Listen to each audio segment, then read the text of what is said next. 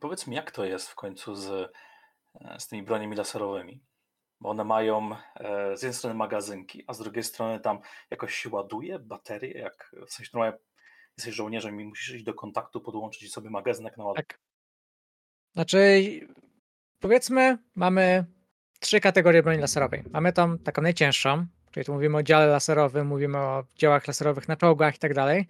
To po prostu ma centralną baterię, która czasami może być odnawialna przez silnik, jeśli jest pojazd i tak dalej, i tak dalej. No ale generalnie jak się wystrzela, to się wystrzela, trzeba podłączyć do większego źródła prądu. Masz pewną grupę broń laserowych, które są tak pomiędzy, bo one są e, zasilane na przykład z plecaka. To są bronie Tempestusów i Kaserkinów, czyli takie mocniejsze bronie laserowe. A taki najbardziej popularny Lasgun, najbardziej popularna broń laserowa, ma oczywiście magazynek, który tam powiedzmy ma 90 strzałów w sobie o takiej normalnej mocy i po jego wyczerpaniu albo łączysz go, podłączysz go do gniazdka, albo go do ogniska. Bo magazynki imperialne są tak przystosowane, że można było je naładować jakkolwiek, łącznie z ogniskiem, więc. Nie wiem, czy chcę pytać w takim razie, jak się bierze prąd w Imperium. Nie, spokojnie, to są głównie reaktory plazmowe. Co to znaczy? Nikt nie wie. Dlatego nikt nie pyta. Dokładnie, po prostu reaktory plazmowe. Jakby co, są niebieskie, dlatego są nieszczelne. Czyli jak e, jest taki gwardzista imperialny, to popularniejsze jest, żeby miał więcej ogniw e, do karabinu, czy tak, musi tak, ładować? Tak, tak. E, chyba standardowo ma chyba z trzy. W sensie broni i dwa zapasowe. I wiadomo, że jak jesteś dobrym gwardzistą, to zwykle masz więcej niż trzy, bo zabrałeś, nielegalnie przetrzymujesz w kieszeni na czarną godzinę. Ale tak, po, po walce albo je są, są zdawane, albo ładowane w własnym zakresie. Albo na przykład w, trans w transportowcach, w takich tradycyjnych chimerach, o ile dobrze się orientuję, są po prostu gniazda, żeby wpiąć magazynek, podładować go i w, w ruchu jak naładować, a po desancie wyciągnąć do broni strzelamy. Znając szacowany czas e, życia takiego gwardzisty, to jest to całkiem uzasadnione. Tak, tak. E, czyli w takim razie, mm, jeżeli chodzi o broń laserową, to ona nie jest dla, dlatego rozdawana żołnierzom e, tak przeważnie. To jest taka broń chyba Imperium dosyć kojarzona. Jest laserowa popularniejsza dlatego, że jest tańsza produkcji i tak, w ogóle w Generalnie broń laserowa jest logistycznie bardzo prosta. No bo wszelkie, wszelkie palne potrzebują amunicji, musisz dostarczyć tych kul jak wystrzelasz. Laserowo możesz uzupełnić. Co więcej, laserowa broń jest bardzo wszechstronna, bo są różne typy karabinów laserowych. Każdy w teorii mogą nawet być na to, sam, na to samo ogniwo, ale przez to, jak są inaczej skonstruowane, albo jaki tryb ognia nawet jest dostępny, to jedne mogą strzelać, powiedzmy, ten sam magazynek strzela 90 razy, i jeden strzela 60, każdy strzał będzie trochę z inną mocą i trochę do czegoś innego się dało. Na przykład popularne te krigowe karabiny, one są e, nie są samopow- nie są, nie są w pełni automatyczne. Czyli to są tylko, każde naciśnięcie spusta to, spustu to jest jeden strzał. One są generalnie trochę mocniejsze niż na przykład karabiny Kanadyjczyków, które z kolei mają tryb ciągu jak najbardziej, ale są raczej trochę słabsze. Oczywiście na stole to nie ma znaczenia, nawet w RPGach to nie ma znaczenia, ale fluff jest. Mm, Tym słowy e, sobie moglibyśmy przejść do e, meritum e, dzisiejszego odcinka. Akurat mówiliśmy trochę właśnie o broniach, o gwardii, bo ze mną jest tutaj teraz ósmy regiment z planety jeszcze nie nazwanej, ale nie, nie planeta, planeta nazwana, ale nie, nie zlokalizowana dokładnie. Okej. Okay. A ja jestem arcykoza z kanału RNG, i dzisiaj porozmawiamy o e, walce w Rough and Glory. E, o tym, jak ona mniej więcej działa i tego, ile ma niuansów, ale też ciekawych mechanik, bo to trzeba przyznać. Warhammerowe mm, RPG bardzo, bardzo warkę lubią i jest to dosyć e, mocno eksploatowany temat, nawet w RPG, które technicznie na walkę nastawione miały nie być. To, to i tak są najgrubsze rozdziały Powiem się zgadzam, jeśli chodzi o Rough Glory też tak jest, no to jest system, nie powiem, że skupiony na walce, ale na pewno jest to istotny element. E, więc tak, jak to w RPGach e, bywa, takich action RPG, czyli mamy e, tury i potem akcje w turze. Zgadza się. No, klasycznie oczywiście, bla bla bla. Jest duża runda, każda runda dzieli się na, dzieli się na tury, każdą, każdy postać ma swoją turę, w swojej turze może wykonać pewne akcje. Um, Glory proponuje dwa systemy, jeśli chodzi o inicjatywę, czyli kolejność e, w tych dużych obejściach, kolejność, jaką będą przyjmować e, postacie. Tą główną proponowaną przez nich jest e, po prostu w cudzysłowie na umówienie się. To znaczy założone jest, że najpierw aktywację, czyli swoją, swoją turę odgrywa jeden z bohaterów graczy, potem bohater mistrza gry, gracz, mistrz gry, gracz, mistrz gry, aż się wszyscy wyprztykają e, z aktywacji i, do, i wtedy zaczyna się kolejna runda, kolejne pełne obejście.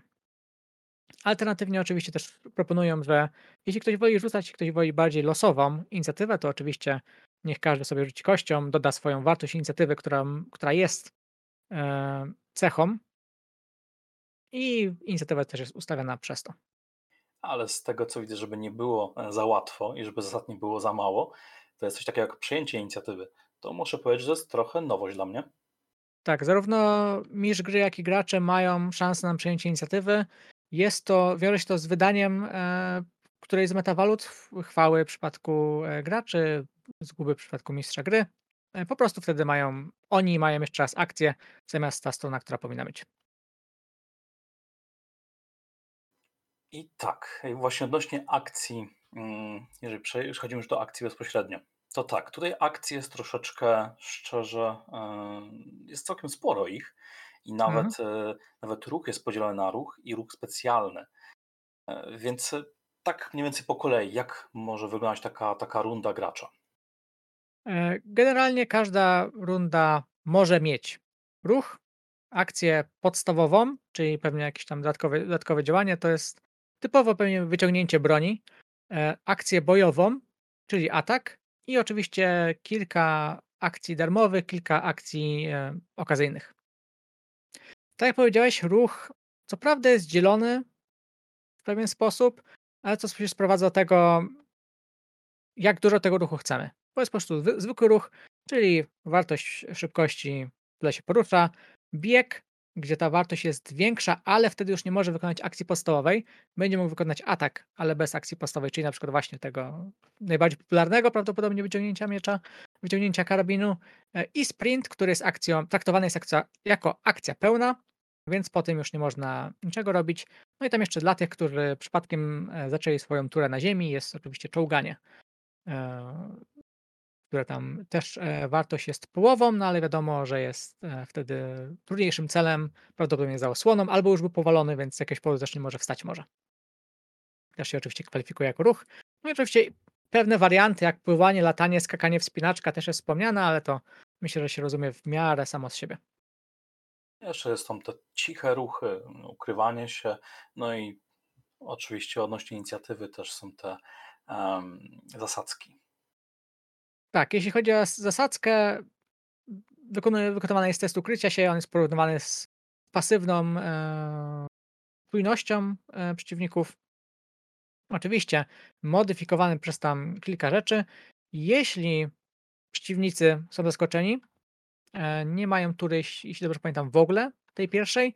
I też pierwszy atak chyba ma dodatkowe dwie kości obrażeń, o których powiemy za kawałek, czy za chwilę, czym się dokładnie charakteryzują te kości obrażeń. E, jeszcze co do poruszania się, e, to muszę przyznać, że jedna rzecz przykuła moją uwagę odnośnie terenu, po jakim się poruszamy. To jest coś, co mi się kojarzy z, mm, z gier komputerowych w sumie, odnośnie trudnego terenu dla, dla jednostek. Tak, wiesz co, tak bardzo kojarzę, że mm, Dark Heresy też tam miał różne warunkowania przez, przez teren jeśli chodzi o tam trudny teren. Ale oczywiście też e, w Raffenglory są wszelkiego rodzaju osłony, e, które nam w sumie zwiększają nasze szanse na przeżycie, trudne tereny, które nas spowalniają. Jest trochę tego, jeśli chodzi o warunki bitewne. I to jest takie, mm, powiesz, że trochę jest to bitewniakowe? Hmm. Biorąc pod uwagę, że chyba tak, dokładnie, trudny teren zmniejsza o połowę, po, o połowę ruch, to tak. Bo to jest stara zasada ósmej edycji, jeśli dobrze pamiętam, że właśnie wszelkie takie trudne tereny zmniejszały o połowę wartość ruchu. E, dużo w ogóle tych e, walc jakichś, znaczy sama podstawa walki w ogóle też e, kostkowania w tej grze bardzo mocno nawiązuje do bitewniaka. Oczywiście. Najbardziej takie, no wiadomo, Warhammer, więc wszystkie bronie są takie same, ale moce psioniczne Space Marinesów, które są w suplemencie, są po prostu jeden do jednego ściągnięte z bitewniaka. A myślisz, że to jest e, sprawdzona jakaś metoda? Czy to dobrze działa tak praktycznie? E, no na pewno. Działają na skojarzeniach, wiedzą, że liczą na to, że jak wrzucą jakąś nazwę, to gracze będą mniej więcej wiedzieć, o to znam to bitewniaka, wiem jak to działa i nie muszę czytać w sumie opisu. A tak prowadziłeś w sumie graczom e, bitewniakowym? Mm, tak. Znaczy akurat nie, znaczy wiadomo, są graczami bitewniakowymi, więc ogarniają 40, więc wykorzystywali tą swoją wiedzę, choć akurat nie było aż takich silnych, mocnych odniesień. Takich jedno do jednego. Okej, okay. i jeżeli chodzi o e, akcję ogólnie, powiem tak, jeżeli zobaczyłem też e, skrót zasad do akcji, e, no to w sumie nawet się nie mieści na jednej stronie. To jest taki skrót. Tak, przyznam, że ten skrót jest bardzo fajny, bo to nie są tylko akcje. Tam też właśnie jest napisane, jak działa atak, y, atak zaskoczenia, do czego jest wykorzystywana determinacja, z czego wynika, kiedy kona, co się dzieje, gdy kona, jakie są tryby ognia, więc to naprawdę jest pełen skrót zasad, a nie tylko skrót akcji, które można wykonać. E, to może w sumie trochę zgłębmy ten temat, mm, jeżeli właśnie chodzi o akcje chociażby jak już ruch mniej więcej tam powiedzieliśmy wszystko na podręczniku, raczej jest dość klarowne tutaj. E, I tak, akcje, akcje zaawansowane. E, to ile akcji możemy wykonać podczas rundy? Znaczy, w teorii zawsze możemy wykonać tylko jedną akcję. Tutaj akurat w akcjach zaawansowanych są jeszcze takie skra inne skrajne przypadki. Możemy wykonać akcję zwykłą, tak zwaną, E, i akcję bojową. Zawsze tylko, zawsze tylko jedną. E, akcja pełna, akcja złożona, atak wielokrotny to są właśnie specjalne rzeczy, które albo nas pozbawiają tej możliwości wykonania zwykłej akcji, albo po prostu jakoś dodatkowo nam warunkują kilka rzeczy to, co rozumiem przez akcję, to właśnie jest to, że e, my mamy e, faktycznie wytypowane, co podczas akcji możemy robić, to wszystko jest nazwane jakąś akcją. Akcja, mm, e, akcją bojową, akcja podstawowa, akcja okazjonalna i to wszystko możemy zrobić, ten szereg. Tak, tak, to jest tam wszystko, zwłaszcza w tym skrócie, wyjaśnione. Więc akcje bojowe to, to już mówi samo przez siebie. Jest to po prostu oddanie ataku prawda? Tak, są to zarówno proste ataki, wręcz proste ataki dystansowe, jak również e, niektóre interakcje bojowe w stylu zastraszania przeciwnika. To też podchodzi pod akcje bojowe. Zastraszanie może mieć jakiś faktyczny wpływ na przeciwnika, jeżeli chodzi o jego e, jakąś wartość na, na postaci? Jakieś... E, jeśli dobrze pamiętam, gra, mistrz gry wykonuje test wtedy odwagi za, takiego, za taką postać, e, e, z takiego przeciwnika. Jeśli nie zda, to ma takie same kary jak e, potencjalnie gracz, który spotyka jakąś potwor, potworność z kosmosu albo Space Marines chaosu opętanego przez chaos. Więc też nakładany jest na przeciwnika strach, który tam daje mu karę, jeśli dobrze pamiętam, minus dwa do testów. Więc to nie jest, to nie jest nic. Okej, okay. i w jakich przypadkach możemy wykonać więcej akcji niż bojowych niż jedną? Będą to głównie ataki wielokrotne. Z tym istotnym faktem, że zarówno ataki wręcz, jak i dystansowe mogą być wielokrotne. Dystansowe tam wymagają, żeby nasza broń była szybkostrzelna, oczywiście, żeby mogła więcej tego, tej amunicji wypluć. To też jest istotne, że wszystkie ataki wielokrotne bronią dystansową też każą nam później przeładować broń, co jest akcją zwykłą. E, a jeśli chodzi o ataki e, wręcz wielokrotne, to każdy kolej, każdy dodatkowy cel większy o jeden e, zwiększa nam trudność naszego trafienia o dwa. To znaczy, że jeśli trafiamy trzy cele, czyli dwa ponadprogramowo, e, ogólnie będziemy mieli karę minus 4 do wszystkich tych trzech ataków. Mm, to jeszcze do akcji bojowych wrócimy, e, głównie z tego, żeby zobaczyć, jak się rozpatruje to, a Mhm. jest kilka tutaj niuansów. E, Ok, jeszcze akcje podstawowe i akcje darmowe. No i akcje pełne, tak zwane. Akcje pełne to będą właśnie na przykład e, już wspomniany, no właśnie teraz, który jak się nazywa? Sprint. Sprint jest akcją pełną, czyli tam e, trzykrotność wartość szybkości to jest jedna z akcji pełnych. No akcje darmowe to są takie typowe, które większego znaczenia na przebieg e, bitwy nie mają, czyli właśnie tam kliknięcie do kogoś, wydanie rozkazu, takiego niemechanicznego rozkazu, tego typu rzeczy. Dziwi mnie to, mm, że jak mamy skrót zasad, to jest podział wyraźny na, mm, na akcje, akcje zaawansowane, jakie są ataki, ruch, ale nie ma tutaj e, jakiejś takiej mm, też zakładki, znaczy zakładki jednego po prostu e, też skrótu do właśnie akcji pełnych, tylko one są na przykład w ruchu masz sprint i Mhm. jest napisane w tym skrócie, że to jest akcja pełna, ale tak brakuje mi tego podziału, żeby on był osobno spisany, te akcje pełne, żebyśmy wiedzieli po prostu, co możemy zrobić jako jedna rzecz na całą rundę. Taki trochę dokładniejszy opis masz dopiero w, albo w akcjach, tak jak powiedziałeś, albo odrobinkę dalej, e, gdy opisują się akcje pełne, jakby jest, jest akapit opisu tych akcji, tam są wymienione kilka przykładów. Bo jest to, generalnie będzie to zwykle sprint, pełna obrona albo aktywowanie mocy psionicznej. Moce psioniczne wymagają e, zazwyczaj pełnych akcji. E, nie, tylko niektóre, większość mocy psionicznych będzie zwykłą akcją bojową. Mm, Okej, i tak. E, Akcje podstawowe to też mówić raczej samo przez siebie, mm, takie jak e, zrobienie czegoś podczas walki, co nie jest związane z samą walką, jakieś właśnie mm, e, użycie przedmiotu czy wiem, Dokładnie. otworzenie drzwi. Akcje darmowe to w sumie coś, co e, aż w sumie dziwi mnie, że tutaj rozpisali e, mniej więcej mm, takie szczegóły jak no właśnie, że akcją podstawową jest e, otworzenie zamkniętych drzwi kopnięciem, a akcją darmową jest otworzenie drzwi, które nie są zamknięte. E, Trochę mnie to wprawia e, w, w, o tyle mm, się zastanawiam, czy nie ma jakichś takich problemów na sesji między tym, co jest faktycznie akcją podstawową, a co jest darmową. Też jestem zdziwiony, że akurat te dwa przykłady tutaj podali tak blisko, tak w sumie w miarę podobne, ale myślę, że tutaj chodzi, tutaj kluczowym jest tym zamkniętych pewnie na więcej niż klamkę. Myślę, że chodzi o zamknięte na jakiś solidniejszy zamek. Więc akcją podstawową było jakby próba wyważenia drzwi. Lepsze to by chyba byłoby określenie. Jest napisane, ile mniej więcej trwa runda.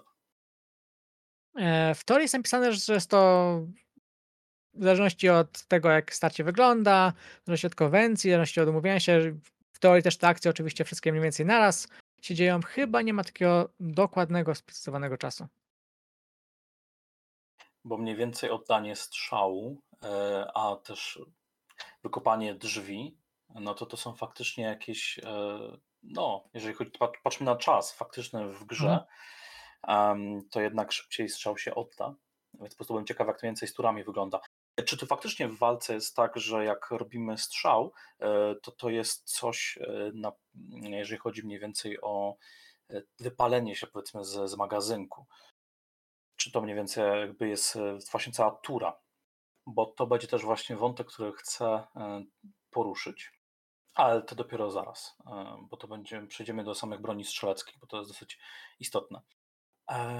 Więc tak, pokrótce może powiedzmy o samym atakowaniu, o w ogóle tym, No tak, jak, no się, bo jak się to wykonuje. oczywiście jest to najważniejsze w samej walce. Wiadomo, deklarujemy swój cel, swój cel ataku. Naszą pulą kości ataku będzie zazwyczaj e, atrybut i umiejętność od, dla odpowiedniej broni. E, będą jakieś modyfikatory testu trafienia. One mogą wynikać z, cechy, z, cechu bro, z cechy, cechy broni, mogą wynikać z jakichś warunków, jeśli to jest broń dystansowa, zwłaszcza. E, istotny jest zasięg. E, twórcy systemu wyznaczyli tam chyba cztery warunki. Do, dla siłości 3.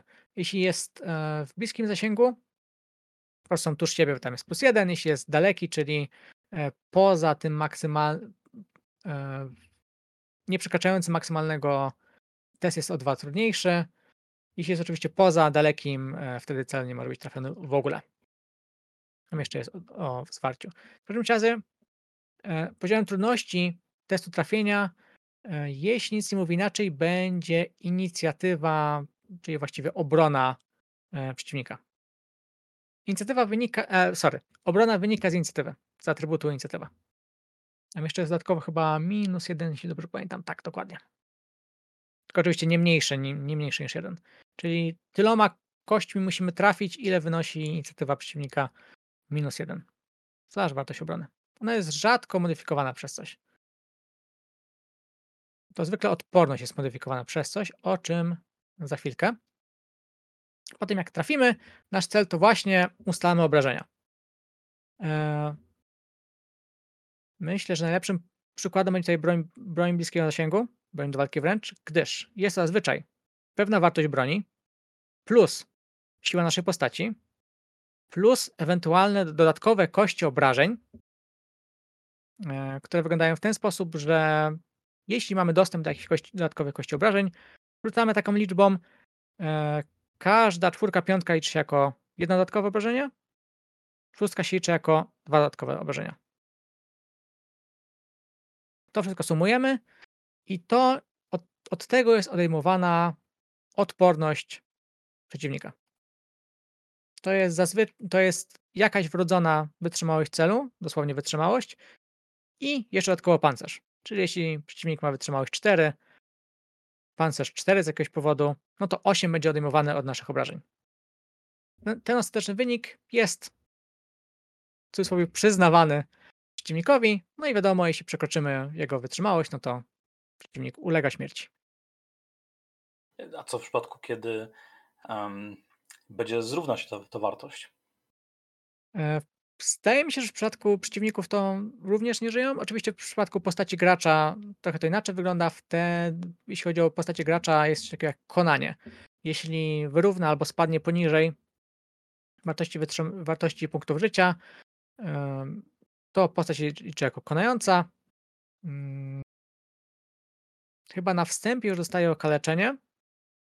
Potem każde następne obrażenia, jakie miałaby dostać, powoduje, okalecz- powoduje okaleczenie. Jeśli to liczba okaleczeń przekroczy naszą wartość jeszcze raz, to wtedy postać ginie permanentnie. E, Przeciwnicy raczej mają po jednym punkcie życia. E, Z hordami jest troszeczkę chyba inaczej. Znaczy, przeciwnicy normalni mają właśnie więcej niż e, jeden punkt. Weźmy sobie. Co sobie weźmy? Weźmy sobie jakiegoś orka. Znaczy, Weźmy mówiąc sobie... o takich właśnie trepach, e, na przykład, to tam e, właśnie ci tacy e, pierwszopoziomowi, to oni tam, z tego co widziałem, to właśnie mieli coś takiego, że raczej na strzała podają. Znaczy, szczerze, tak. Co prawda, weźmy właśnie, zobaczmy na podstawowego orka, który co prawda jest elitą na pierwszym poziomie, ale wciąż raczej prostszym przeciwnikiem. On żywotności ma 6. Czyli szczerze, karabin laserowych potrafi chyba go zabić, jak dobrze się wyrzuci. Więc to wciąż jest mało wytrzymały. Ale masz rację mówiąc o hordach. Hordy, czyli właśnie przeciwnicy, masowi przeciwnicy na wyższym poziomie, to znaczy na przykład chłopak, który, hop, który jest elitą e, na pierwszym, jest już właśnie trepem na drugim, czyli na drugim śmiało może walczyć z hordą hop, hopaków, gdzie ich załóżmy będzie 10 i wtedy faktycznie każdy hopak ma jakby jeden życia. I te hordy zawsze mają, e, bo tam widziałem, że 10 chłopaków to jest jedna horda, czyli zawsze się robiłem takie dziesiątki. E, Jestem prawie pewien, że to nie jest. Są tylko propozycje, które wynikają z podręcznika. To wątpię, żeby było tak, że faktycznie możemy walczyć tylko z dziesiątką. No w przypadku gwardii ma to pewien sens. Myślę, że to mogą być trochę właśnie te anegdotki bitewniakowe, no bo chłopaków chyba najmniejszy oddział, jaki możemy wystawić, to jest 10, jeśli nie 11, bo jeszcze burszuj dla nich oczywiście. No ale gwardzistów do tej pory zawsze wystawiało się po 10, więc to też może na przykład z tego wynikać. E, No właśnie, a propos tej bitewniakowości, to e, też dobrze sobie wspomniałeś, bo przy tworzeniu, a czy przy tworzeniu takich właśnie hord e, w bestiariuszu jest, e, to to jest ciekawe, że tam są takie upgrade'y dla hord. Na przykład jeżeli mamy orkowych chłopaków, hordę, to wtedy tam możemy im dodać na przykład chłopaka z, z tam z jakimś karabinem. To jest takie trochę bitewniakowe. Definitywnie. Zwłaszcza, że wybory są typowe dla. e, hmm, Duża szczelba wydaje się być, e, mo znaczy to oczywiście może być kwestia tłumaczenia. Nie, tak, to jest to jest są dosłownie opcje z bitewniaka. Choć brakuje mi tarczy ognia, na przykład jeśli chodzi o chłopaków, bo bo podstawowy oddział orków może być wyposażony e, w miotacz ognia, ale pewnie już tego nie brakuje. Ale na przykład tutaj, tutaj gwalistów mamy 20-osobową drużynę. Okej, jeszcze do hord myślę, że na chwilkę wrócimy. Mhm. Czyli jak e, atakujemy, to rozumiem, że trzeba zrobić e, dwa testy. Najpierw e, trafić, a potem obrażenia. E, jeśli, jeśli mamy dostęp do dodatkowych obrażeń, bo weźmy sobie jakąś broń. Słucham, jaką, jaką, broń, jaką broń chcemy pokazać? E, mówisz teraz o broniach bliskodystansowych? No załóżmy. Jak mówimy o orkach, to dawaj rębaka. Dobra, orcze, orcze bronie białe. Mamy rębak. E, jego statystyki to jest siła plus 3, to są jego bazowe obrażenia. E, czyli załóżmy, nasz chłopak będzie miał siłę 4, więc bazowo zadaje 7 obrażeń, ale ta broń posiada jeszcze dodatkowe obrażenia 3, czyli bierzemy 3 kości, rzucamy nimi 4, 5 to jest jedno dodatkowe obrażenie, szóstka to są dwa dodatkowe obrażenia, czyli potencjalnie możemy te 7, 7 obrażeń zwiększyć o jeszcze 6. Właśnie są jakieś przypadki, kiedy nie ma tych dodatkowych kości? Bo z tego co widziałem. Wydaje chyba... mi się, że nie. Chyba każda broń ma jakieś dodatkowe. Może broń improwizowana, ale chyba, chyba nawet ona ma jedną dodatkową kostkę. Okej. Okay. Mm, dobrze, więc w takim razie e, tak z grubsza wygląda sam atak. Jest troszkę tego liczenia. Co do obrony, no właśnie. Obrona, e, rozumiem, że inicjatywa to jest jakby wartość tego trafienia. Tak, to jest wartość jako statystyka. Co, co też w sumie y, mnie osobiście jako RPGowca już tyle lat często myli faktycznie to, no, że niestety tak. inicjatywa tak. to wartość. E, więc pancerze. Więc w takim razie, mm, jak te pancerze działają i jak to, e, jak to jest, że ktoś może wytrzymać więcej, a ktoś mniej? Mm, Skąd się bierze to? Pancerze po prostu nam płasko odejmują od, obra od obrażeń, czyli weźmy sobie, no weź przy tym orku, weźmy sobie typową blachę, której wartość pancerza nosi 2, po prostu każde obrażenia będą redukowane o 2. Mogą też być śmiało zredukowane do zera. Jeśli z jakiegoś powodu nasz ork dostanie tylko dwa obrażenia, to dostaje 0. To nie jest tak, że zawsze dostanie jakieś tam jedno. Jeśli chodzi, oczywiście pancerze też mają swoje cechy, mm, które jakoś tam nam modyfikują. Na przykład weźmy sobie pancerze Space Marinesów, to też mamy wspomagane 4 na przykład. To znaczy, że siła nasz, nasza siła się po prostu zwiększa o 4 z sam, samego faktu noszenia tego pancerza. Są też e, pewne wyjątkowe pancerze. To są zwykle jakieś pola energetyczne, pola siłowe, dziwaczna technologia, e, magia albo jeszcze jakieś nie, nie wiadomo co, które daje nam pancerz. E, Bitewniaku to się nazywa Invulnerable, invulnerable Safe. Tutaj to jest też jakoś tak nazwane. Więc tak jak powiedziałem, niektóre pancerze posiadają cechę nieprzebijalny, są nieprzebijalnym pancerzem, są w książce w spisie pancerza oznaczone gwiazdką. E, takie pancerze nie mogą być modyfikowane przez przebicie pancera broni. Bo jeszcze zapomniałem wspomnieć, niektóre bronie, znowu zwłaszcza te najbardziej mordercze, zwłaszcza jakieś energetyczne, mają przebicie pancerza. Mm. To nie jest, to nie zwiększa obrażeń danej broni, ale właśnie obniża tą redukcję obrażeń. E, czyli wracając do naszego e, rębaka, który na przykład nie ma tej e, przebicia pancerza, ale wielki rębak, który ma już przebicie pancerza 1, zawsze zmniejsza pancerz naszego przeciwnika o 1. I jeszcze jest coś, bez czego by się chyba nie mógł Warhammer obyć. Krytyki. Oczywiście. Krytyki e, tutaj są e, wynikiem szóstki na kości furii, czyli na tej naszej jednej wyjątkowej kości, którą zawsze będziemy mieli w teście. Jeśli trafimy krytyka, to po pierwsze, nawet jeśli jakimś sposobem całe nasze obrażenia zostaną zredukowane, to jeśli były krytyczne, zawsze zadadzą jedno obrażenie. E, co więcej, każde trafienie krytyczne zadaje też jakiś efekt krytyczny. Jest oczywiście na to osobna tabelka, na którą rzucamy, żeby ustalić, jaki ten krytyk nasz efekt wywoła. Dodatkowo jeszcze ten krytyk możemy zwiększyć, wydając punkt chwały e, w chwili zadawania go, żeby ten krytyk był jeszcze potężniejszy, jeszcze bardziej traumatyczny dla naszego przeciwnika. Jest w sumie całkiem sporo rzucania i to przy Tak. jednym ataku Zgadza się. e, i tego liczenia, ale dość jest to faktycznie intuicyjne i naprawdę e, muszę na pewno, znaczy ja ze swojej strony powiem, że bardzo się cieszę, że Rafen Glory nie wykorzystuje tych e, mechanik miejsca trafienia i pancerza na jakimś konkretnym elemencie ciała. Ja tam je zawsze lubiłem. Też liczyć na setce, gdzie tam było trafione? Mhm. Do tego stopnia, że w niektórych systemach, które nie mają tego systemu trafień, konkretny cel, konkretną kończynę czasami dodawałem ten system. Próbowałeś Tylko to tak. robić tutaj? E, nie, tutaj akurat nie. Próbowałem to robić w najbardziej nieprzystosowanym przystosowanym do tego systemie, czyli e, w świecie mroku. No, Brzmi jak masochizm. Tak. No, to ciekawe. Ja osobiście właśnie jestem po tej drugiej stronie, gdzie jestem antyfanem tego i cieszę się, że mamy pancerz, to ten pancerz jest jako w sumie całość. E, Więc tutaj e, jest trochę tych rzutów, jest trochę tych kości, ale liczenia jakoś dużo, mm, dużo nie ma i raczej jak się walczy, to trafiony i zatopiony przeważnie, patrząc na te mm, wytrzymałości, jakie mają przeciwnicy. Tak, definitywnie. Moim zdaniem Rafen Glory jest bardzo zabójcze. Jest trochę mniej zabójcze dla postaci graczy, o czym powiem za chwilę. E, No ale właśnie, spójrzmy sobie w teorii. Postacie gracza i w takim razie również przeciwnicy bardzo szybko mogą zyskać e, bardzo potężne bronie znane z uniwersum, czyli e, weźmy sobie najbardziej potężną broń, jaką chyba mogą dzierżyć bardzo szybko, czyli broń przeciwczołgową, a mianowicie karabin termiczny, bardziej popularny pod nazwą Melta, który zdaje obrażenia 16, gdy trafi.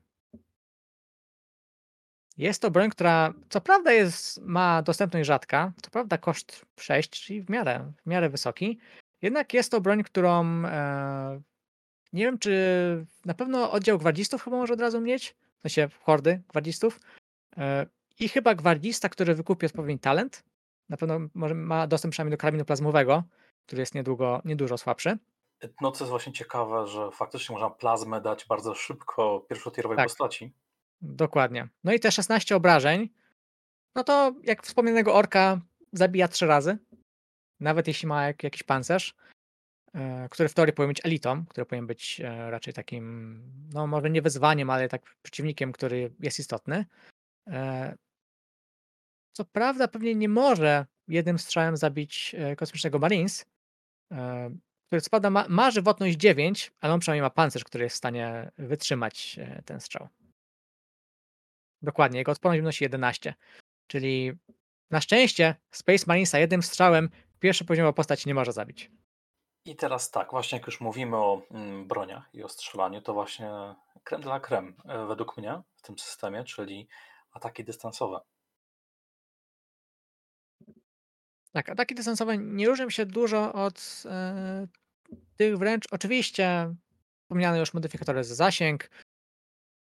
Wszechobecny, no, jeśli cel twojego ataku jest w zwarciu z twoim sojusznikiem, jeśli wyrzucisz e, krytyczną porażkę, czyli jeden na kości furii, trafiasz swojego towarzysza. Generalnie bronią dystansową nie można strzelać w walce wręcz, chyba że jest pistoletem. To oczywiście jest obecne. E, Bronie dystansowe oczywiście mają twardsze e, obrażenia, to znaczy nie ma tam, że wartość plus siła, tylko po prostu zawsze jest jakaś bazowa wartość, co najwyżej zwiększana przez, tą, przez te dodatkowe kości. No i niektóre bronie posiadają cechę szyb- szybkostrzelna, która pozwala zadać ją nie tyle co kilka ataków, co ułatwić sobie cel ataku, e, ułatwić sobie trafienie, gdyż możemy strzelić całym, całym magazynkiem w jeden cel. Wtedy zwiększamy liczbę naszych kości o wartość szybkostrzelności.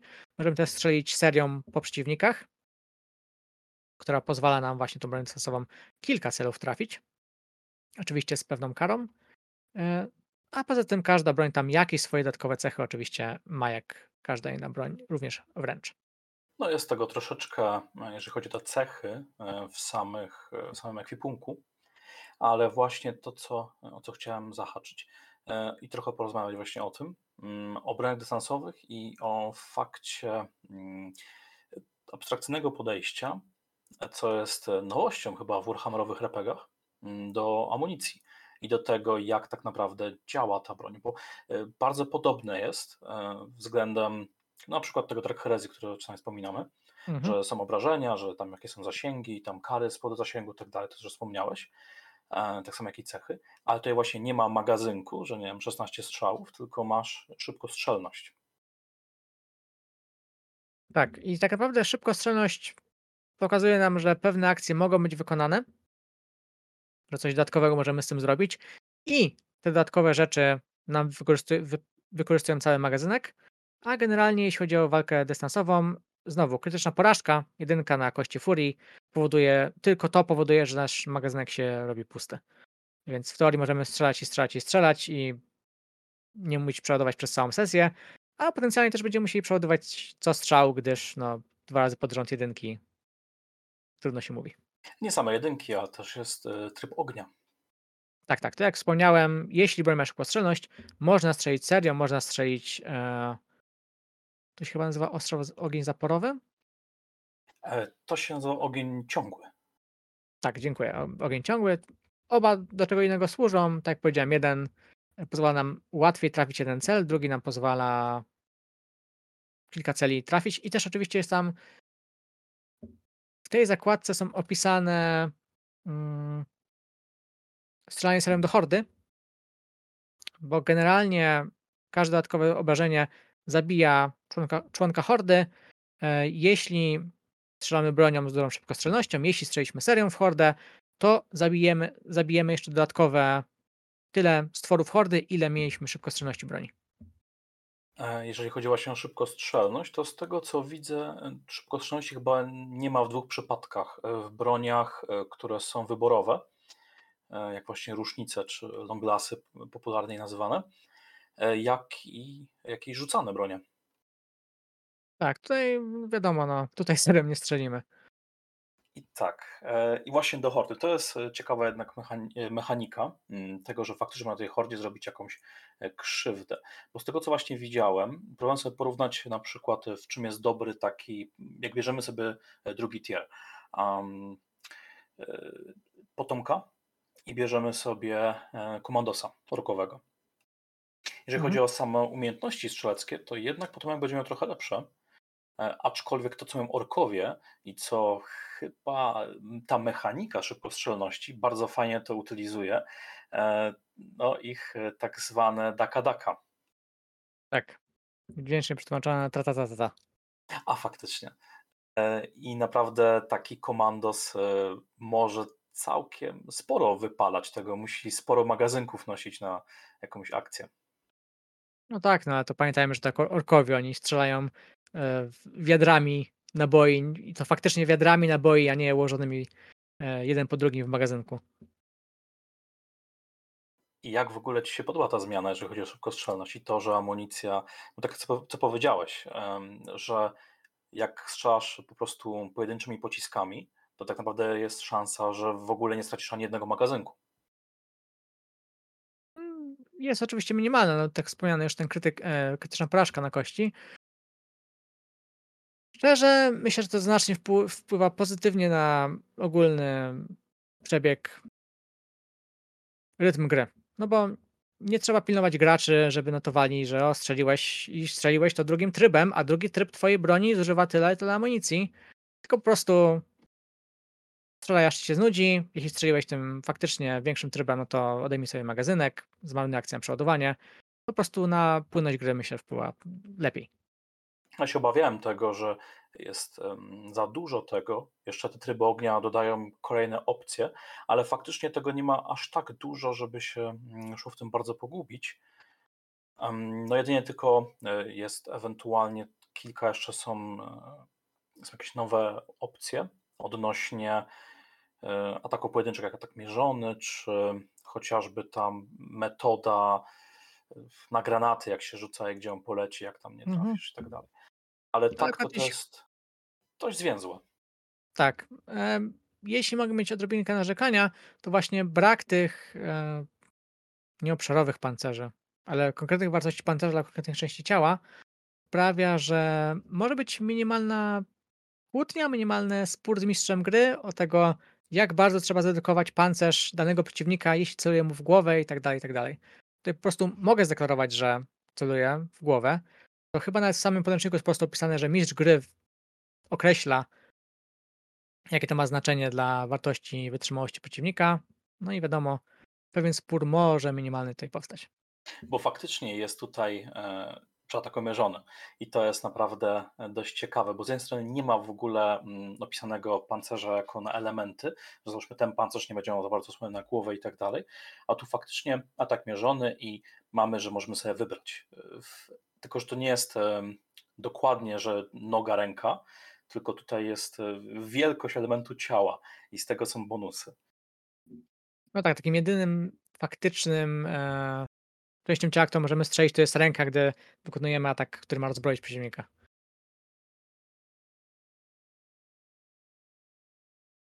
I tak, e, to właśnie mówiąc już o mm, strzelaniu i raczej tutaj chyba więcej, e, chciałbyś coś dodać jeszcze do broni dystansowych? Mm, nie, myślę, że tutaj nie trzeba nic więcej. Jeszcze możemy wspomnieć trochę o zasłonie. Jest oczywiście tabelka, która mniej więcej określa, jak bardzo wytrzymała jest zasłona, bo jest też opcja strzelania przez nią. Niektóry, właśnie wspomniany karabin termiczny, wspomniana melta, myślę, że śmiało może strzelić przez tą drewnianą skrzynkę, skrzynkę, za którą się chowa nasz cel. Jest to określone, ile musimy wbić obrażeń w cudzysłowie tej skrzynce, żeby ją przebić. Też jest wspomniane, jaką on, ona premię daje naszemu celowi, jeśli postanowimy celować w niego, a nie w skrzynkę. Mm, to teraz może w takim razie ja troszkę ponarzekam. Znaczy ponarzekam, może po prostu na coś zwrócę uwagę.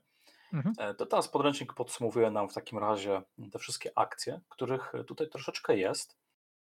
W taki sposób, że sam zdaję sobie z tego sprawę, że jest mnogość tych opcji, a my jako gracze możemy niektóre rzeczy wywalić, niektóre możemy zostawić, aby nie doszło do nieporozumień. Czy właśnie tak jak mówisz, że mogą być nieporozumienia chociażby z tymi elementami e, pancerzy. Widzisz jakieś opcje, które mm, wywalić z tej walki? E, bo ja osobiście, jak przeglądałem te, mm, te możliwości, ich troszeczkę jest, ale one są dość integralne ze sobą i jakoś tu nie widzę takich e, opcji na zmianę zasad, może najwyżej poza inicjatywą. Też nie widzę. I też właśnie głównie nawiązywałbym do tej inicjatywy, bo o tym mówiliśmy już wielokrotnie, ale Raffenglory, on chce, on chce zrobić wszystko naraz, ale jeśli nie chcesz robić wszystkiego naraz, to rób sobie co chcesz. Więc jasno, oni dali tę propozycję, którą oni chcą używać. Inicjatywa, po prostu gracze, mistrz gry, gracze, mistrz gry. To są akcje bojowe, takie róbcie, ale jeśli nie chcecie, no to możecie sobie rzucić albo akcje bojowe wywalić, po prostu rzucajcie kośćmi i tyle. Bo to właśnie alternatyw e, generalnie nie ma. No tak jak powiedziałeś, ewentualnie możemy sobie pewne rzeczy usunąć, jeśli uważamy, że są zbędne, jeśli za, za bardzo nam komplikują rzeczy. E, ale zgodzę się z tobą, że ja nie widzę powodu, żeby je usuwać. Nie są aż tak. To nie są aż takie straszne rzeczy. Też jak przeglądałem, to nie skojarzyła mi się żadna rzecz, która z jakiegoś powodu byłaby zbędna. Jestem ciekaw, właśnie to jest fajne, bo jak prowadziłem osobiście w Glory, e, to tak naprawdę był ten skrót zasad. E, tam żeśmy się stresowali, że tam tych akcji jest strasznie dużo, pozapominamy, że potem ktoś zgubi okazję do czegoś. Ale jak już graliśmy, zrobiliśmy ten oddział mm, gwardzistów e, szarżujący, to naprawdę te tury szły dość płynnie i żeśmy po prostu była kwestia mm, gdzieś podbiegnę, wezmę zasłonę, oddam strzał, likwiduję, i do następnego. I tak po kolei mhm. przechodzimy. Jedynie tylko właśnie ta inicjatywa jest e, czymś, co mm, no, warto sobie omówić przed sesją. Oczywiście. E, dobrze, więc jak już omówione mniej więcej, e, jak działamy, to teraz co jest po trafieniu? Jest, teraz mówimy bardziej o tym, jak gracza trafi przeciwnik.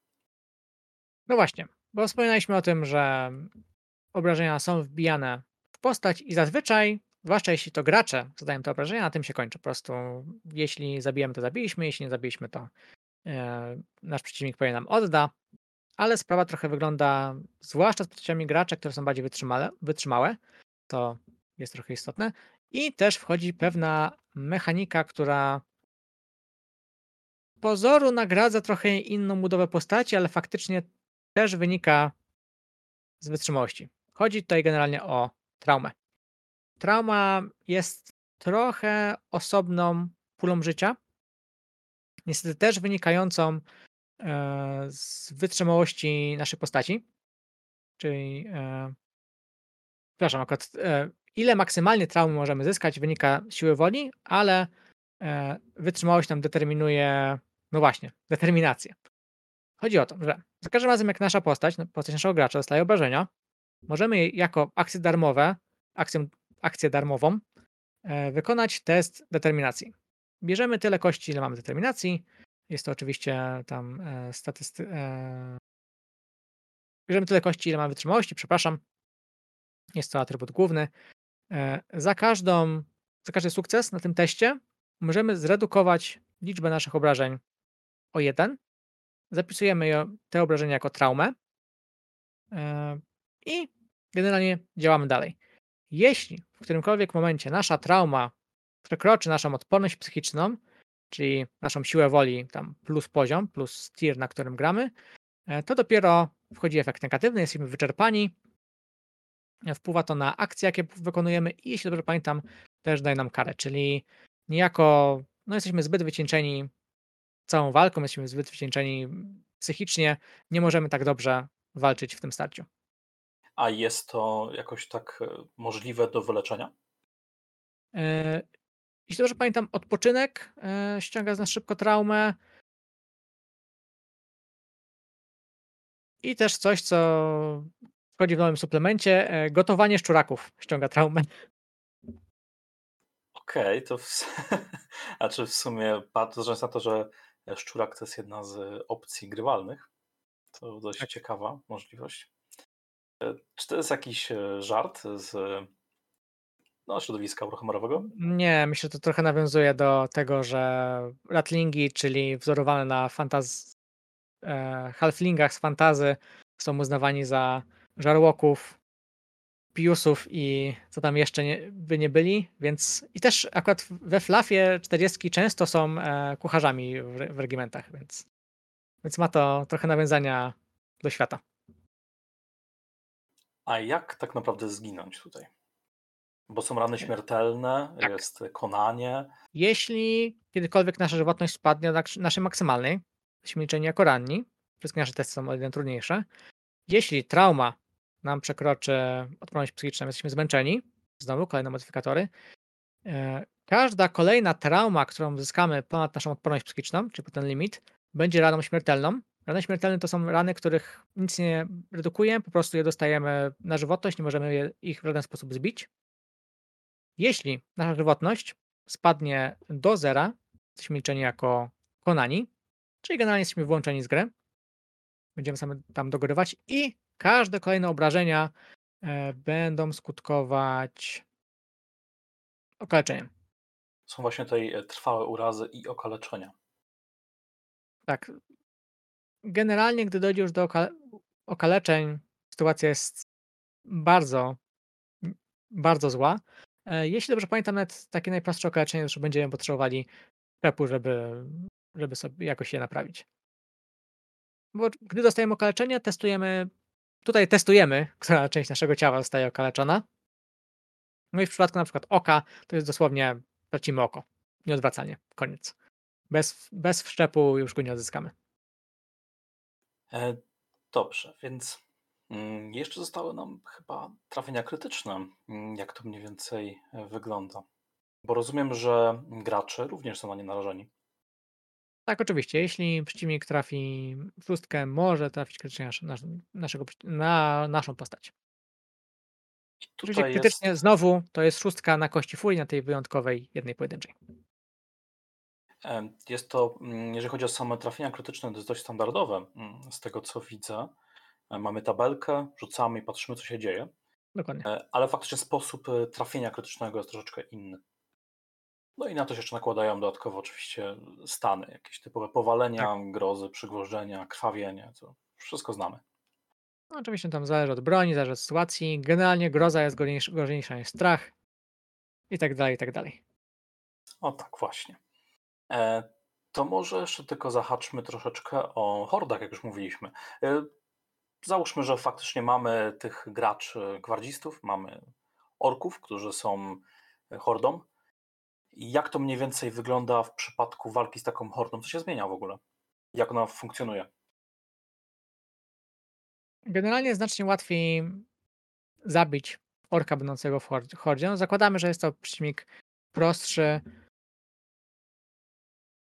prostszy do pokonania przez naszych, gracz, przez naszych graczy, skoro jest ich tak dużo. Jeśli była, był to atak, e, atak wręcz, to za każde trafienie ponad e, wymaganą liczbę zabijam dodatkową. Jeśli dystansową, wynika to z szybkostrzelności. Tyle po prostu dodatkowych e, potworów z hordy zabijamy. Generalnie wystarczy tylko trafić, żeby zabić. To nie jest tak, że wspomniany ork, który tam miał tej żywotności 4 czy 6, w hordzie już nie ma, w hordzie jest liczony jako miał żywotność 1, zabijamy kilku przeciwników naraz. W drugą stronę oczywiście, jeśli mamy tą hordę 10 orków, to oni również atakują trochę skuteczniej, ale nie tak skutecznie jak 10 osobnych orków. Tyle, jedno, tyle elementów hordy, ile atakuje przeciwnika, e, przepraszam, tyle elementów hordy, ile atakuje gracza, e, jest dzielone przez 2 i to jest dodawane do testu ataku. Czyli jeśli bazowy ork tam powiedzmy atakuje 6 kostkami, ale tych orków było 6, no to będzie teraz trafiał 9 kostkami. Powiedziałeś, że nie będą tak samo efektywni jak 10 orków. Znaczy horda jest mniej efektywna. W teorii, w teorii jest i nie jest. Moim zdaniem hordy są naprawdę groźne, jeśli mamy jakiś mocniejszy element hordy. To znaczy, jeśli byśmy mieli 10 orków, z czego jeden z nich ma wilgachną siekierę, teorii mistrz gry mówi, że ta horda atakuje, ale jakby głównym atakującym tej hordy jest ten ork z wilgachną siekierą, to on będzie miał dużą premię do tego ataku, a to nie będzie 9 pojedynczych słabych ataków i jeden taki średni. Czy to jest nie tylko do tego, żeby, żeby ułatwić albo przyspieszyć walkę, ale właśnie również są te modyfikacje dla hordy, żeby troszkę urozmaicić tych, właśnie jak już mówimy o orkach, to orków choćby. Tak, żeby sprawić, że nawet maso, masowa armia orków, znaczy masowa banda orków była pewnym zagrożeniem, a też żeby no, walka z nimi nie ciągnęła się nie wiadomo ile. Bo jak taki, taka grupa orków zaatakuje e, Marinesa, znaczy oczywiście z tego jak roz, rozumiem wygląda mniej więcej walka, to łatwiej jest, e, żeby Horda cokolwiek zrobiła temu Marinesowi, aniżeli żeby jeden ork którykolwiek trafił go. Dokładnie. Okej, no i my już jak w sumie atakujemy Hordę, to też e, to omówiliśmy. Tak też no, nie zabijamy pojedynczych członków hordy za każdym strzałem, tylko tam mamy o- możliwość zabicia kilku naraz. I to jest jakoś tak, że się mm, redukuje potem tą liczbę i oni mają jakieś opcje, nie wiem, e, reorganizacji tej hordy, czy ona po prostu troszeczkę ilość tych członków to jest jakby życie tej hordy? Trochę tak. No, po, po pierwsze e, pozwala po pierwsze większa horda ma trochę większą premię do ataku,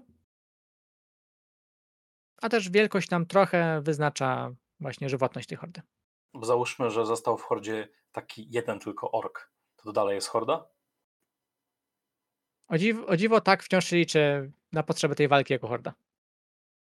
Czyli, się, li- czyli liczy, ten ork się liczy, że ma jeden życia, mimo że jego normalna statystyka mówi, że ma 4 czy tam 6. Czy nie musimy się przejmować i za każdym razem po każdej rundzie sprawdzać, e, jak się przeciwnik zmienia? Tak, nie musimy. To, to się akurat wygodne, e, jak mnie na plus. E, No i coś, o czym moglibyśmy w sumie też powiedzieć jeszcze w tym odcinku, jako że to jest dość krótki temat do zahaczenia, o mocach psionicznych. Też psionika się tej zawarła, a jeżeli chodzi o samorozdział psionice, to tak naprawdę w większości on traktuje o samych zdolnościach psioniki, jakie można, można mieć. Też mówiliśmy o tym, w jaki sposób można nabyć moce psioniczne e, poprzez chociażby wyniesienie postaci.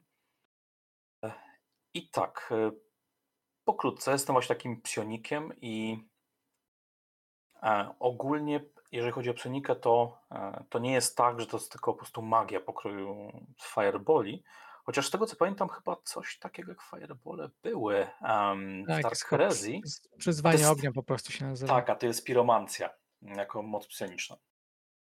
Tak, przywołanie ognia jest. To kilka tu w sumie jest tych zaklęć. E, Więc e, pokrótce mm, powiedz, jak mniej więcej działa psionika. Aktywowanie psioniki w teorii jest po prostu zwykłym, zwykłym testem. Wybiera się cel, przygotowuje się pulę kości, gdzie będzie to nasza umiejętność mistrzo- mistrzostwa psionicznego, która też tam wynika, jeśli dobrze pamiętam, z siły woli i umiejętności. Oczywiście. A to zawsze się testuje, bo mm, są też takie e, mocy psioniczne, jak na przykład, e, nie wiem, że można sprawić, że coś lewituje, że jakieś odgłosy wydajemy. Em, To też trzeba testować? E, tak, gdyż zawsze jest istnieje ryzyko, że nasza moc trochę nam się wymknie spod kontroli.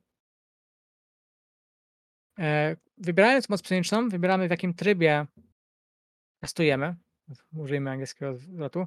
Jeśli ją taką aktywujemy w takim najbardziej prostym trybie, tym tak, tak zwanym uwiązanym, to jeśli dobrze pamiętam, ta szansa na niepowodzenie jest e, znacznie mniejsza, Z tego bo co widzę, e, to tutaj nie ma właśnie podziału na to, że e, może stać się coś mniej lub bardziej niebezpiecznego związanego z osnową. nie ma podziału na mniej lub bardziej, ale jest podział na mniejszą i większą szansę. Tak powiedziałem, te moce mogą być tak uruchomione w trzech trybach. Każ czym wyższe, tym więcej dodatkowych kości furii, tym razem będziemy mieli mnogie kości furii, jest, są dodawane do testu. Za każdą jedynkę na kości furii jest liczony jako właśnie krytyczna porażka i dostajemy wtedy grozę osnowy. I Gry z osnowy to jest taka fajna tabelka, coś co gracze Warhammera lubią. E, W sumie i to z 40, i to z fantazy, że coś się nam związanego z osnową nieprzyjemnego stanie. Dokładnie. To zwykle jest jakiś taki. Akurat tutaj są moim zdaniem trochę bardziej chyba negatywne efekty niż w Mrocznej Herezji. Choć niekoniecznie. Wszystkie takie niskopoziomowe są jeszcze spokojne, bo to są jakby tam tylko migoczenie świateł, jakieś podejrzane, jakieś podejrzane szepty, nagle się robi zimno. To są takie te najprostsze efekty. No ale już dalej mamy w- dziwaczne zaburzenia grawitacji. Wszyscy, wszyscy czują się bardziej zmęczeni, bo istoty z innego wymiaru wystają z ich życie. Czy oczywiście już bardziej niebezpieczne rzeczy jak krwawe deszcze, e, psioniczne przeładowanie, które powoduje, że psionik potencjalnie może wybuchnąć. Tam po drodze oczywiście jeszcze opętania mamy wszelkiego rodzaju. Demoniczne inwazje i jeszcze mocniejsze zamarzanie okolicy. Ale wracając do mm, właśnie negatywności tych wszystkich efektów, e, to muszę przyznać, że akurat jeżeli chodzi o, o tą grozę osnowy, to tak naprawdę zasadniczo każdy wynik chciał być wytłumaczony mechanicznie. Może tam poza pierwszym, poza światełkami, ale tak to wszystkie tutaj chciały mieć jakiś efekt mechaniczny. Mhm. Nawet e, samo to oszronienie e, daje tam efekt, że teren jest trudny, co oczywiście będzie nam znowu modyfikować e, jakiekolwiek rzuty i możliwość komplikacji powalenia. Tak, to po prostu sprawia, że no, nawet takie właśnie najprostsze użycie psonika, jak mieć sprawienie, żeby coś latało, jakoś nam może negatywnie wpłynąć na, na rozgrywkę. Nawet chcieliśmy tylko podnieść jakiś element, ale przez to, że nam ta groza osnowy wyszła, wszędzie zrobiło się zimno, jest taki efekt i taki, potencjalnie przeciwnicy nas mogą wykryć i tak dalej, i tak dalej. Można również być wciągniętym przez osnowę i po postaci. Oczywiście, można być. Że w teorii chyba jest to tylko pewna liczba obrażeń. Jest mała szansa, że skoro wyrzuciliśmy aż tyle, to e, zginiemy od razu, bo chyba nawet najgroźniejszy efekt psioniczny jest to tylko 2k6 ran, śmiertelnych, więc to nie jest. Więc to nie jest wcale tak dużo. Więc myślę, że jest mała szansa na zginięcie, jeśli to nie było w trakcie walki, w której już byliśmy osłabieni. Okej, mówimy mm, o samych y, trochę konsekwencjach mm, akurat. Myślę, że nie ma też co mm, też mówić, jak działają te moce, bo to po prostu jest taka troszeczkę, można powiedzieć, księga zaklęć. Ich jest E, naprawdę dużo. I co jest faktycznie mm, dość fajne, bo muszę powiedzieć, że jak na system, który chce robić po trochę wszystkiego, a tych samych archetypów takich gotowych, które mają e, moc psioniczną no są tylko dwa, z tego co pamiętam z archetypów, e, to tego jest naprawdę całkiem sporo. Ale właśnie, wspominałeś o na przykład uwiązanym i to jest chyba taka podstawowa cecha tych psioników, czy właśnie poziom mocy. Jak to działa, jak to wygląda? Mm, jeśli dobrze pamiętam, w Mrocznej Herezji faktycznie był taki stricte e, każdy psionik miał swoją wartość, którą tam tak naprawdę więcej niż to nie mógł wyrzucić. E, tutaj chyba niemal każdy psionik od razu może używać tej nawet naj, największej e, transcendentnej formy psioniki. Bo to tak naprawdę dodaje w sumie kości, tylko tak, efekty to... mogą być gorsze. Dokładnie. To po prostu zwiększa nam ryzyko na grozę. Bo tam było faktycznie takie drzewko, e, drzewko tych e, mocy psionicznych i trzeba było tam po kolei iść od takich e, słabszych, podstawowych po mhm. mocniejsze, mhm. a tu faktycznie mm, po prostu jest pula i niektóre są takie bardzo podstawowe, małe moce, a niektóre są takie bardzo impaktowe. Tak, to tutaj też nie ma właśnie drzewka. W teorii możemy każdą od, od razu wziąć E, są minimalne wymagania. Niektóre są droższe niż inne, bo tak jak wykupywanie mocy pieniężnych kosztuje po prostu pewną, e, pewien koszt, koszt doświadczenia.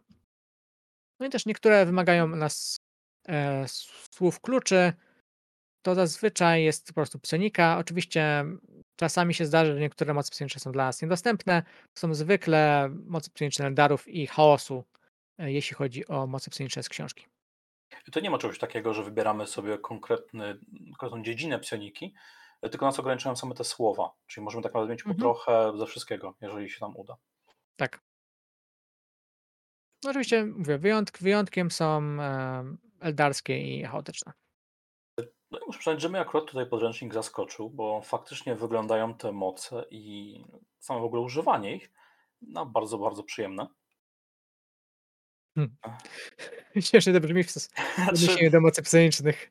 Przyjemnie, jeżeli chodzi właśnie o mechanikę. Znaczy, jako mm, gracz Warhammera już tam od, e, od wielu, wielu lat, to zawsze było coś pociągającego w tym, że mamy zaklęcia, które często mogą się wiązać z konsekwencjami. To jest jednak taki dreszczyk. W pełni się zgodzę. No to są bardzo i z jednej strony utylitarne moce, właśnie lewitacja, podniesienie czegoś, po prostu komunikacja telepatyczna, no ale też te przywołanie ognia, te wszystkie inne, znacznie potężniejsze e, moce, no są potężne.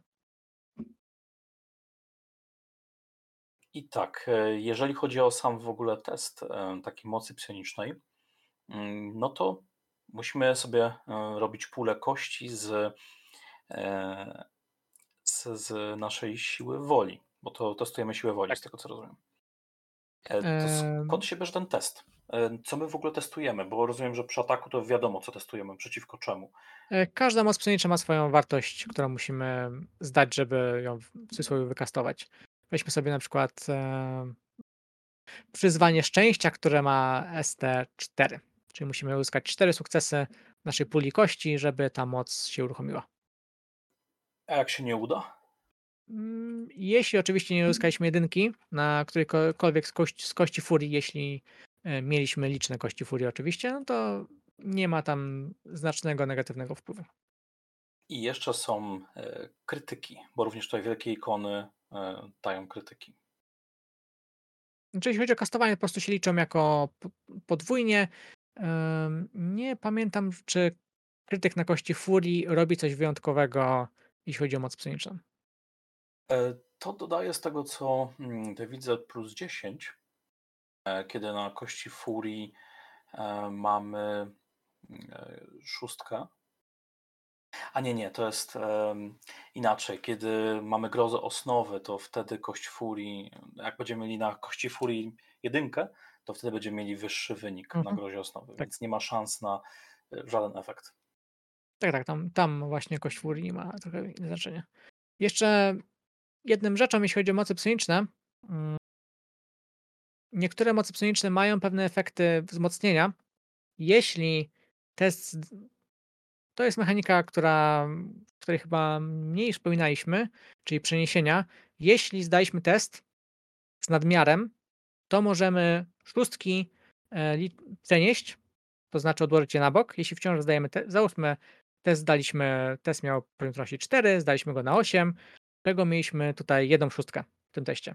Odejmujemy tą jedną szóstkę, czyli dwie ikony, więc zdaliśmy test na 6, wciąż jest zdany, a ta przeniesiona kość przypadku mocy psionicznych jakoś nam wzmacnia ten efekt i na przykład właśnie weźmy sobie e, huk i błysk, e, który sam z siebie e, wymusza na teście, na, wymusza na celu naszej mocy test, test traumy, test, test wytrzymałości. Jeśli tą moc wzmocnimy, to cel dostaje dodatkową traumę jeszcze.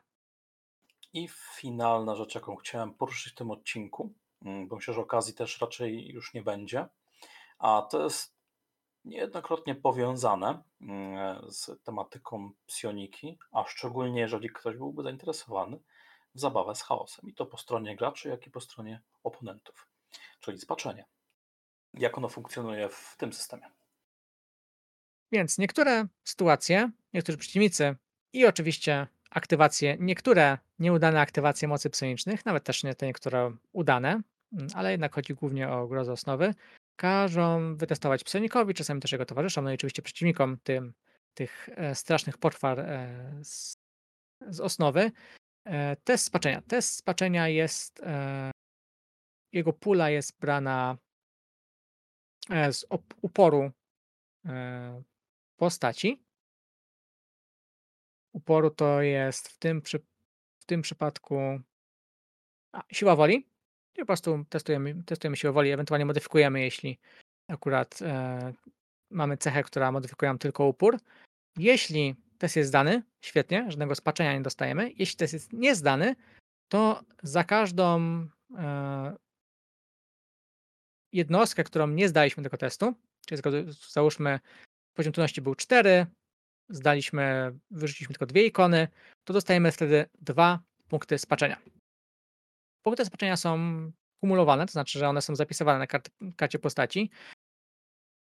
prawdopodobnie, podobnie jak w Mrocznej Herezji, jest kilka sposobów na usunięcie ich, ale są raczej, raczej rzadkie.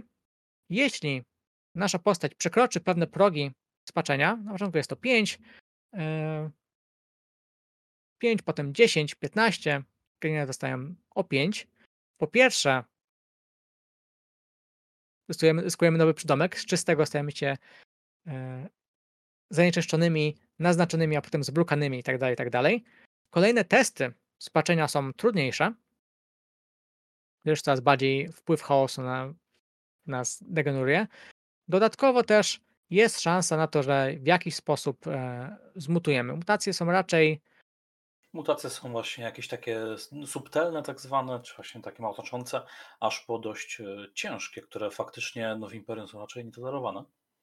Dokładnie. Za każdym razem, gdy ten poziom spaczenia, czyli co, w sumie co 5 punktów spaczenia nam wzrasta, wykonujemy test mutacji, e, to znowu jest e, to znowu jest upór tego ST3.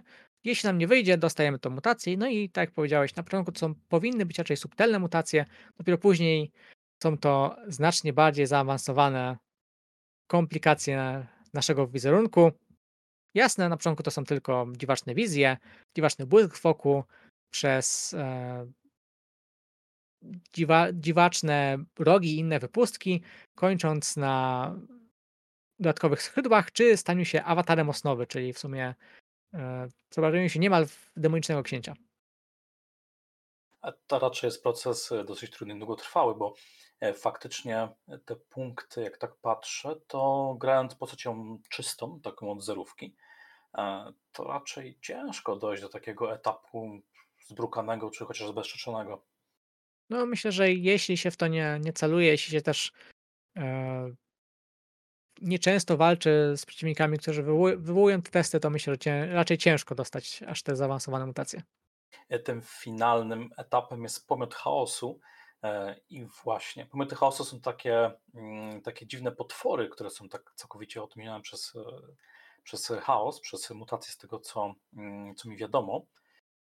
Czy to jest według Ciebie już grywalna postać jeszcze?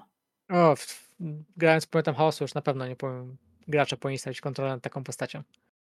Myślę, że nawet gdyby grali w konwencji, że grają agentami chaosu, to stanie się pomiotem, to już myślę, że definitywnie za progiem kontroli.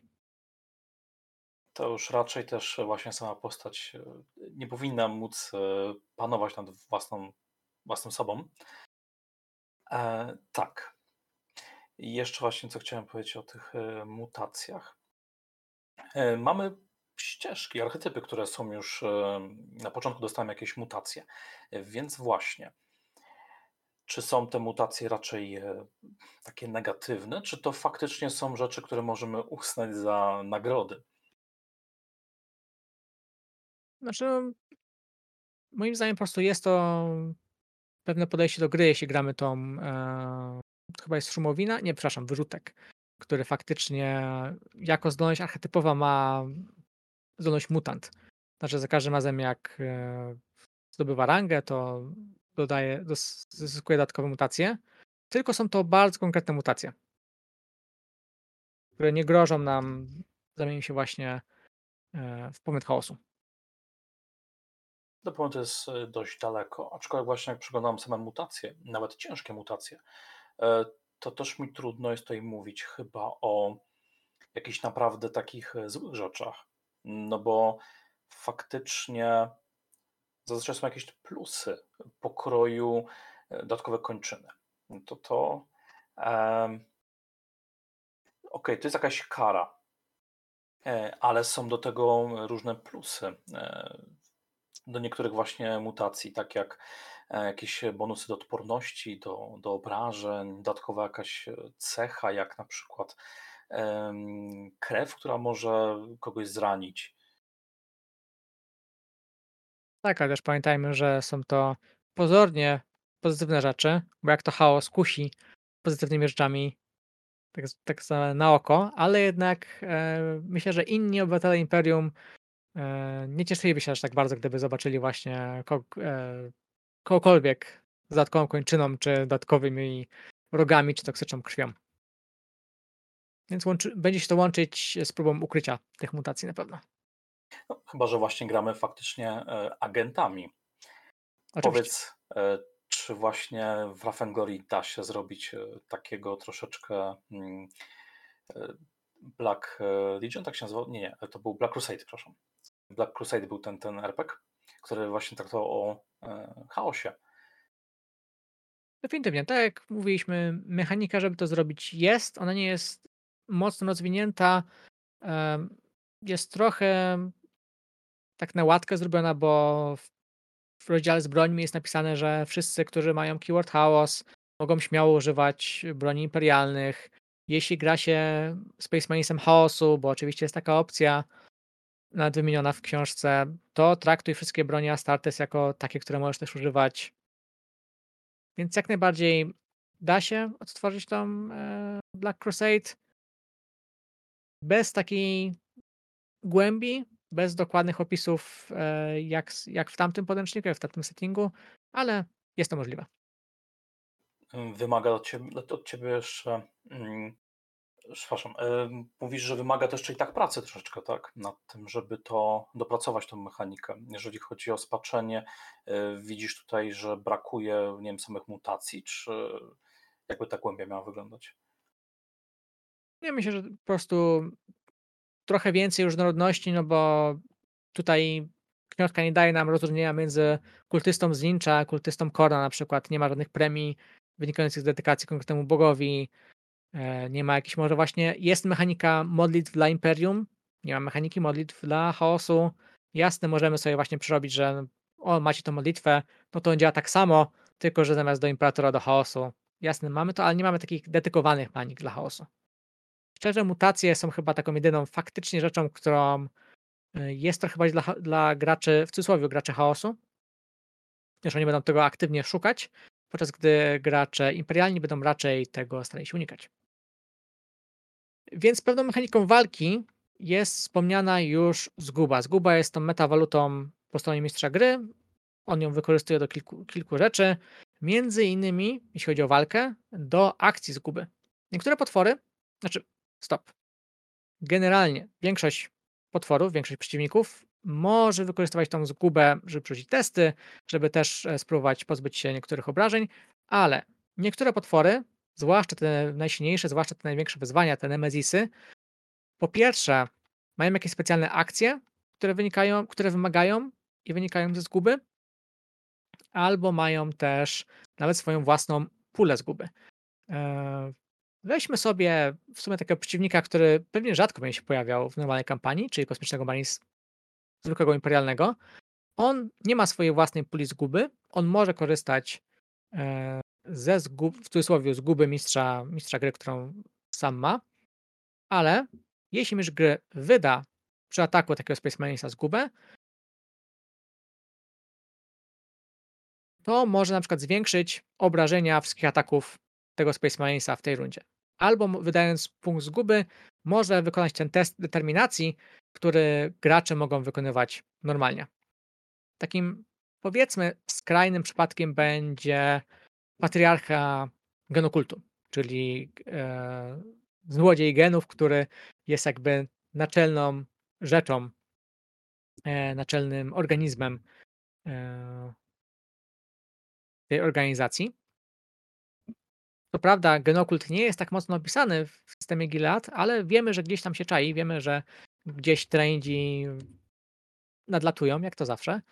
E, Patriarcha jest jednym z najsilniejszych przeciwników i właśnie jako taki najsilniejszy przeciwnik ma on swoją własną pulę zguby.